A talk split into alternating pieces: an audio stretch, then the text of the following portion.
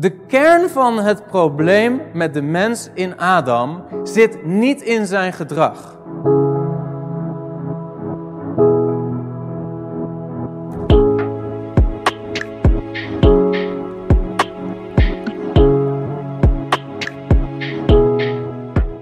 17. Dit zeg ik dan en getuig ervan in de Here dat u niet meer wandelt zoals de andere heidenen wandelen, in de zinloosheid van hun denken, verduisterd in het verstand, vervreemd van het leven dat uit God is door de onwetendheid die in hen is, door de verharding van hun hart. Ze hebben zich, ongevoelig als ze zijn geworden, overgegeven aan losbandigheid, om alle onreinheid begeerig te bedrijven. Ik wil even inzoomen op deze verse. Want hier beschrijft Paulus de natuurlijke mens in Adam. De mens in zijn natuurlijke toestand in de zonde. Maar voordat hij dat doet, zegt hij: Dit zeg ik dan en ik getuig ervan in de Heer dat u niet meer wandelt zoals de andere heidenen wandelen. En met dat niet meer geeft Paulus aan dat jij vroeger wel zo wandelde. Met andere woorden, iedere christen moet zich kunnen identificeren, in elk geval voor wat betreft zijn oude leven voordat hij opnieuw geboren werd, met wat hier staat. Met de beschrijving van de natuurlijke mens in Adam. Want Paulus zegt, jij was zo. Jij was net als de andere heidenen. En dat is een belangrijke waarheid van het christelijk geloof. Is dat wij allemaal zondaren zijn. Ieder mens. Het maakt me niet uit of dat je geboren bent in de kerk of geboren bent in de wereld. Voor de Bijbel is er geen verschil. Ieder mens is een zondaar in Adam. En dat vergeten we misschien soms wel eens. Maar dat is de waarheid die de Bijbel ons laat zien.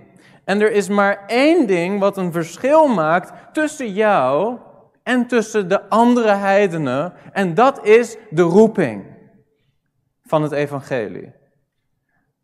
Dat is een belangrijke waarheid om bij stil te staan. Slechts genade maakt het verschil tussen jou, de mens in Christus, en tussen de andere heidenen, de natuurlijke mens in Adam. En wanneer Paulus het hier dan heeft over de andere heidenen, dan zou je kunnen denken dat hij het heeft over niet-Joden, toch? Want het woord heiden betekent in letterlijke zin, bijbels gezien, een niet-Jood. Maar dat is waarschijnlijk niet wat Paulus hier specifiek mee bedoelt.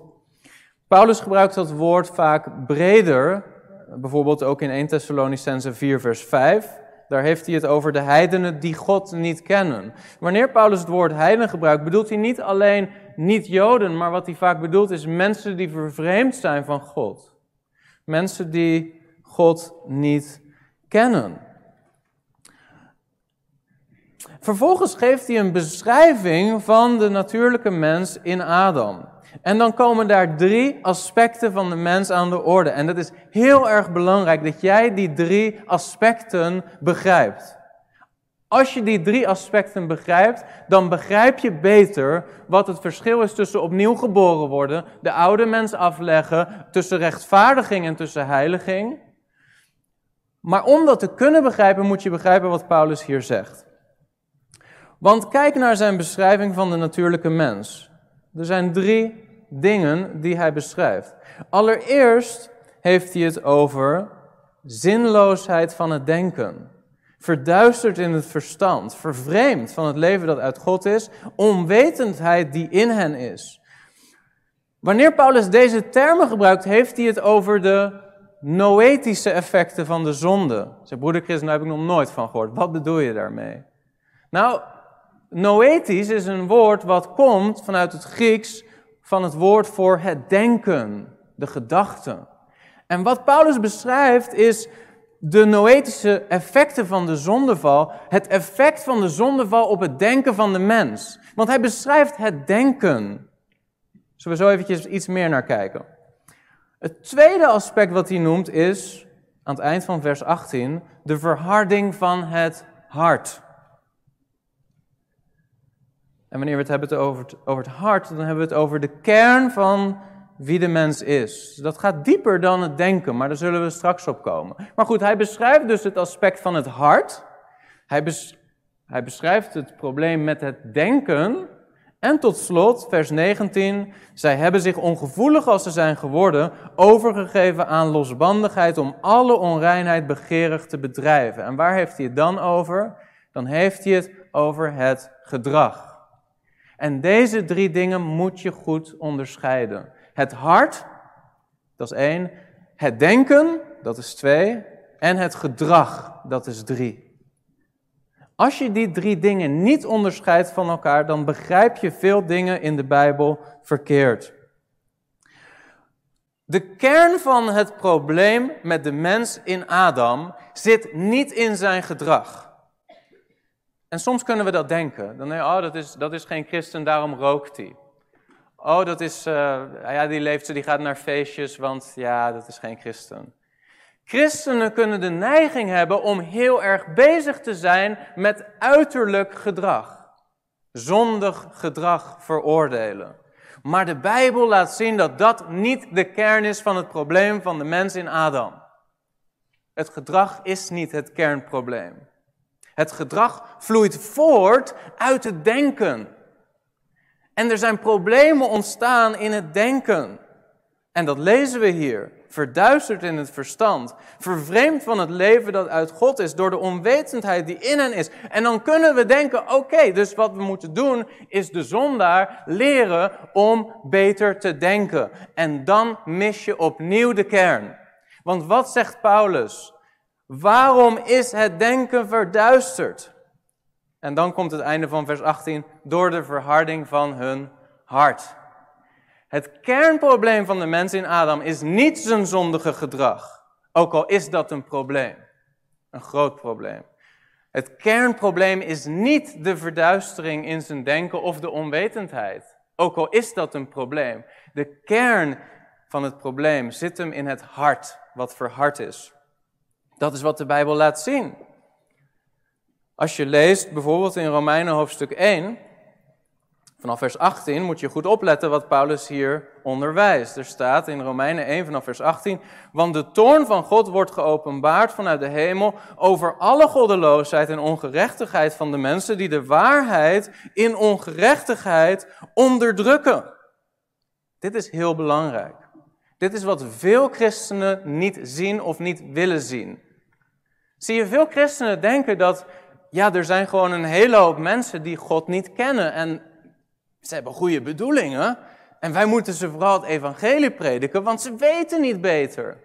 Ze kennen God niet, ze weten niet dat God bestaat.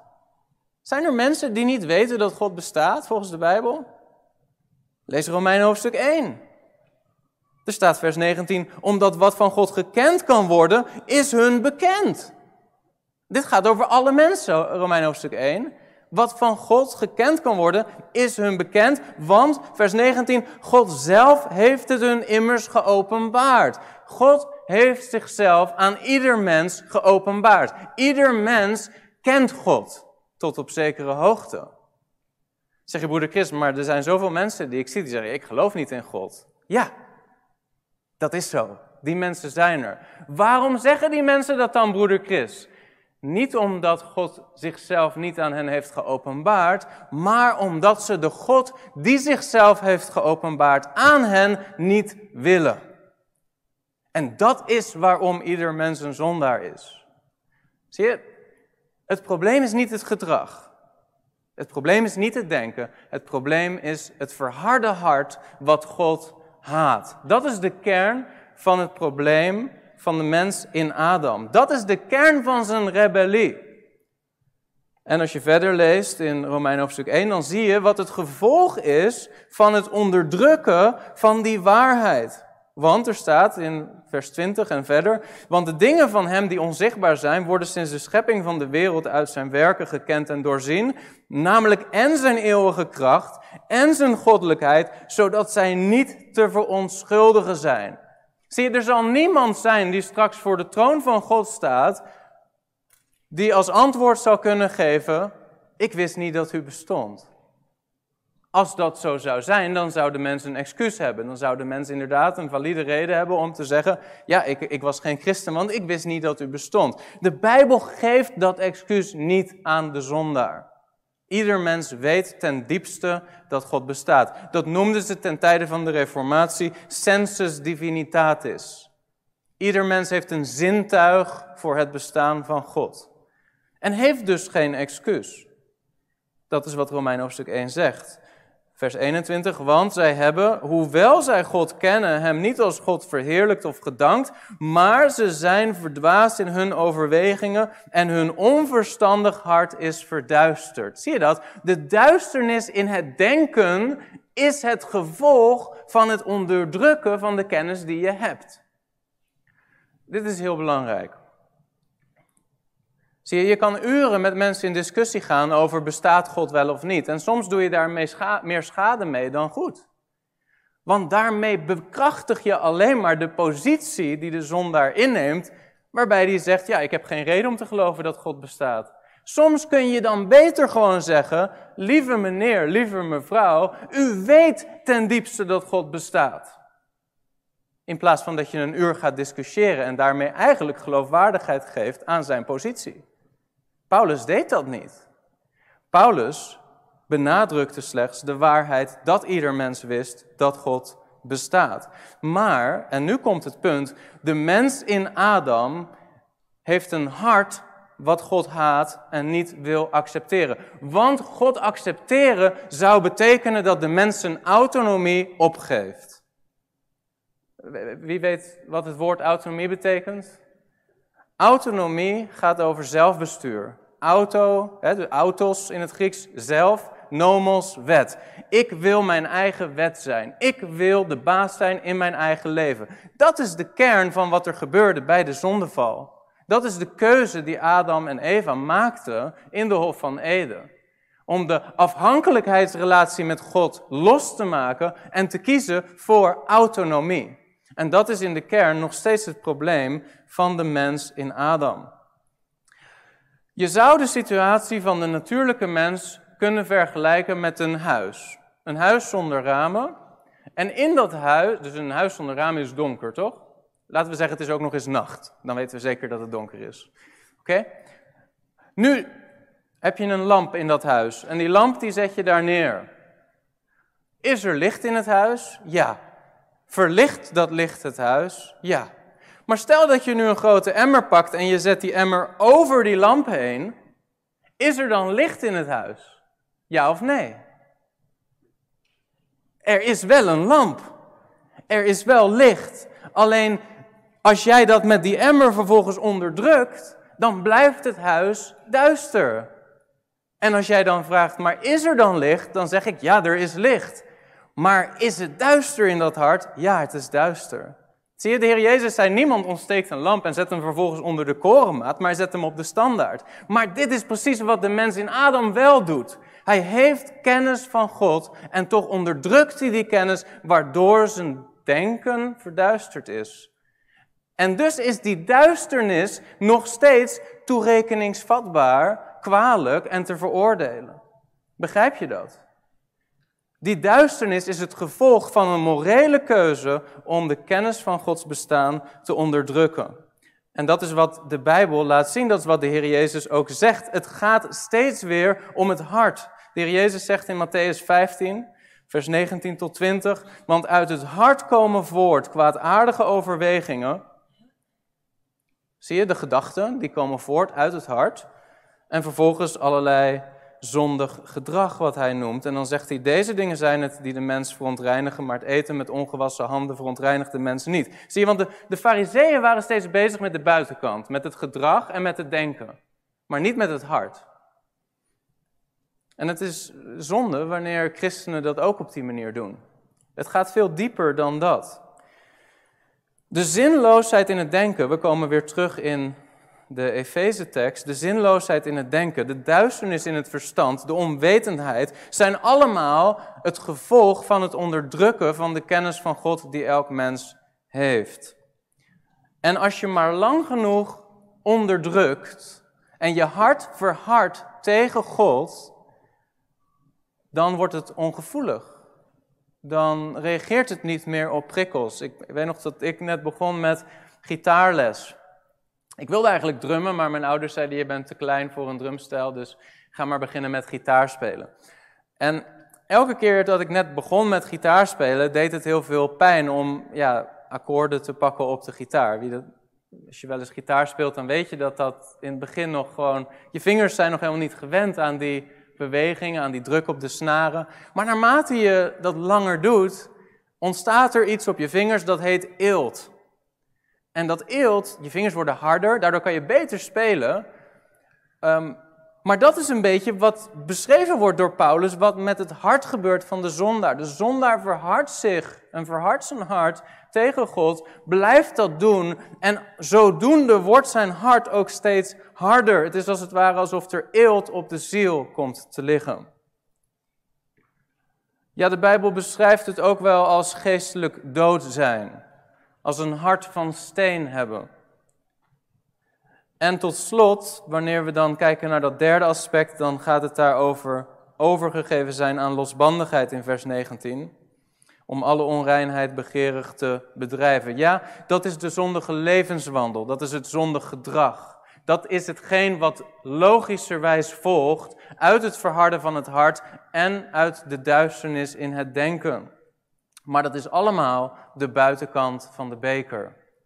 En de Heer Jezus zei tegen de Fariseeën in Matthäus 23, vers 25: Wee u schriftgeleerden en Fariseeën, huigelaars, want u reinigt de buitenkant van de drinkbeker en van de schotel, maar van binnen zijn ze vol van roofzucht en onmatigheid. Het ware alsof de Heer Jezus zegt tegen de Fariseeën: Jullie hart is verre van God.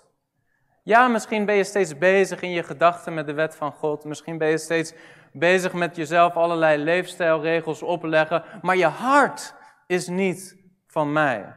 Je hart is niet van God. Dat was moeilijk voor de fariseeën om dat te begrijpen kennelijk. Of misschien wilden ze het niet zien. Ik denk eigenlijk het laatste. Maar we lezen dat er een fariseer naar de Heer Jezus komt in Johannes hoofdstuk 3. Zijn naam was Nicodemus. Hij was een leider van de Joden. En dan staat er in Johannes 3, vers 2. Deze kwam s'nachts naar Jezus. Waarom kwam die s'nachts naar Jezus? Waarschijnlijk wilde hij niet dat zijn collega-fariseeën zagen dat hij überhaupt naar de Heer Jezus ging. Maar hij komt s'nachts naar de Heer Jezus en dan zegt hij: Rabbi, wij weten dat u van God gekomen bent als leraar. Want niemand kan deze tekenen doen die u doet als God niet met hem is. Zie je, dit illustreert eigenlijk een beetje wat ik net zei. Nicodemus komt naar de Heer Jezus en hij zegt: Wij weten. De mens weet. De mens weet van Gods bestaan. Ja, de mens weet zelfs van de Heer Jezus Christus op het moment dat hij geproclameerd en gepredikt wordt. De vraag is niet of de mens weet, de vraag is of de mens wil weten. Want Nicodemus komt naar de Heer Jezus en hij zegt: Wij weten dat u van God gekomen bent. En menig christen zou, als dat gebeurt op straat tijdens evangelisatie, al in zijn handjes wrijven. Ja, ik weet wel dat God bestaat. Oh, nou, dan zijn we al halverwege dit gesprek. Dan moet ik je alleen nog maar uitleggen wat het evangelie is. Maar Jezus trapt daar niet in, lieve mensen. En christenen moeten daar ook niet in trappen. Ieder mens weet dat God bestaat. Wat zegt de Heer Jezus? Oh, fantastisch. Wat fijn dat je weet dat ik van God gekomen ben. Nee, nee. Wat zegt de Heer Jezus? Jezus antwoordde en zei tegen hem, vers 3 van Johannes hoofdstuk 3, Voorwaar, voorwaar, ik zeg u, als iemand niet opnieuw geboren wordt, kan hij het koninkrijk van God niet zien. Je kan het niet zien, Nicodemus. Kan die het niet zien? Waarom kan die het niet zien? De Heer Jezus zegt, je kan het niet zien. En vervolgens zegt Nicodemus, hoe kan een mens geboren worden als hij oud is? Hij kan toch niet voor de tweede keer in de buik van zijn moeder ingaan en geboren worden? Jezus antwoordde, voorwaar, voorwaar, ik zeg u, als iemand niet geboren wordt uit water en geest, kan hij het koninkrijk van God niet binnengaan. Eerst heeft hij het over het zien, daarna heeft hij het over het binnengaan. En je zou daar opnieuw de parallel in kunnen zien tussen het denken en het gedrag, het wandelen. Van allebei die aspecten geeft de Heer Jezus aan, Nicodemus, je zit niet diep genoeg. Nicodemus, er is een dieper probleem. En dat probleem openbaart zich al in het feit dat Nicodemus zegt: Ik weet dat u van God gezonden bent. Maar waarom, Nicodemus, kom je dan in de nacht? Het probleem is niet dat Nicodemus het niet wist. Het probleem was dat hij het niet wilde erkennen. Vanwege de consequenties die dat met zich mee zou brengen. Dat lezen we ook in een later stuk van Johannes hoofdstuk 3, vers 19 tot 21. Daar zegt de Heer Jezus dit. En dat is in hetzelfde gesprek. Dit is het oordeel dat het licht in de wereld gekomen is en de, en de mensen hebben de duisternis lief gehad meer dan het licht, want hun werken waren slecht. Vers 20, want ieder die kwaad doet, haat het licht en komt niet tot het licht, opdat zijn werken niet ontmaskerd worden. Maar wie de waarheid doet, komt tot het licht, opdat van zijn werken openbaar wordt dat ze in God gedaan zijn. Zie je, wij denken soms dat mensen gewoon meer licht nodig hebben. Och, als ze maar iets meer wisten van wie God was. Als ze maar iets meer wisten van hoe goed Hij is. Als ze maar iets meer wisten van het evangelie. Och, kon ik het ze maar gewoon een beetje uitleggen. Misschien dat het dan goed zou komen. En dat is niet waar. De Heer Jezus draait het om en zegt, de reden dat de mens het licht niet heeft, is omdat hij het niet wil hebben. Het begint in het hart. Het begint niet in het denken. En dit is de fout die zoveel mensen ook in geloofsverdediging maken. In christelijke apologetiek. Beginnend bij Thomas van Aquino. De mens is niet neutraal ten opzichte van God. De mens is ofwel in Adam als een opstandige rebel tegen God, of in Christus in een verbond van onderworpenheid aan God. Maar er is geen neutrale grond, er zit niks tussen. Je zou de situatie van de mens in Adam, de natuurlijke mens, de niet wedergeboren mens, nog het best kunnen vergelijken met Lazarus. En dat wil ik ook doen in het laatste stuk van deze boodschap. Lazarus, die we in Johannes 11 tegenkomen, was dood. Hij was niet zomaar dood, hij was al vier dagen dood. En dan wordt de Heer Jezus opgeroepen door Martha en Maria om te komen. We kennen die geschiedenis allemaal. Maar geestelijk dood is de term die de Bijbel hanteert als het gaat om de mens in Adam, ook in Efeze hoofdstuk 2. Het hart is verhard, het hart is dood, het reageert niet op God. Je kunt er tegen spreken tot je een ons weegt. Het gaat niet veranderen. Er moet iets bovennatuurlijks gebeuren. En in die zin is Lazarus in zijn dood een heel mooi en treffend beeld van de mens in zonde. We lezen in Johannes 11, vers 39, en ik zal nog een paar versen daarbij langslopen later. Maar we lezen in dat vers dat de Heer Jezus zegt: Neem de steen weg. Martha, de zuster van de gestorvene, zei tegen hem: Heere, hij ruikt al, want hij ligt hier al voor de vierde dag. Lazarus ligt daar in een graf, een gat in de grond of een grot met een steen afgedekt. Vier dagen dood, stinkend. Als je iets weet van wat er gebeurt met een lijk na het sterven, dan weet je dat er eerst stijfheid optreedt. Dat heet in het Latijn rigor mortis. Daarna verslapt het lichaam weer. Zie je dat bacteriën steeds meer de overhand krijgen, insecten het lichaam gaan verteren. Het bloed zakt weg naar verschillende plekken, verdroogt, verhardt. En als iemand eenmaal vier dagen dood was, dan was het wel duidelijk dat het niet meer goed ging komen, dat het irreversibel was. Dat was het natuurlijk al meteen vanaf het moment dat iemand dood was, maar na vier dagen dan waren er zulke dingen gebeurd met het lichaam, met de verharding van het lichaam, met de afbraak van het lichaam, met het uitvallen van de organen, met het opdrogen van het bloed, dat er geen kans meer zou zijn dat dat ooit nog goed zou komen. En dan zegt de Heer Jezus, neem de steen weg. Zie je, wat wij soms als christenen doen, wanneer we niet beseffen hoe diep het probleem van de zondaar gaat, hoe diep jouw eigen probleem ging voordat je opnieuw geboren werd, wat wij doen is dat we mensen gewoon nieuwe kleren willen aangeven zonder te beseffen dat ze geestelijk dood zijn. Dat is even absurd als dat de Heer Jezus had gezegd: neem de steen weg, trek de kleren van Lazarus uit, zijn grafdoeken, en trek hem een nieuw pak aan. Dat hadden ze natuurlijk kunnen doen. Maar daarmee had Lazarus niet verder gekomen. Lazarus was dood. En hij moest levend gemaakt worden. Heb je iets gehad aan deze video? Druk dan op like en wil je vaker dit soort apologetische video's zien? Abonneer je dan op dit kanaal.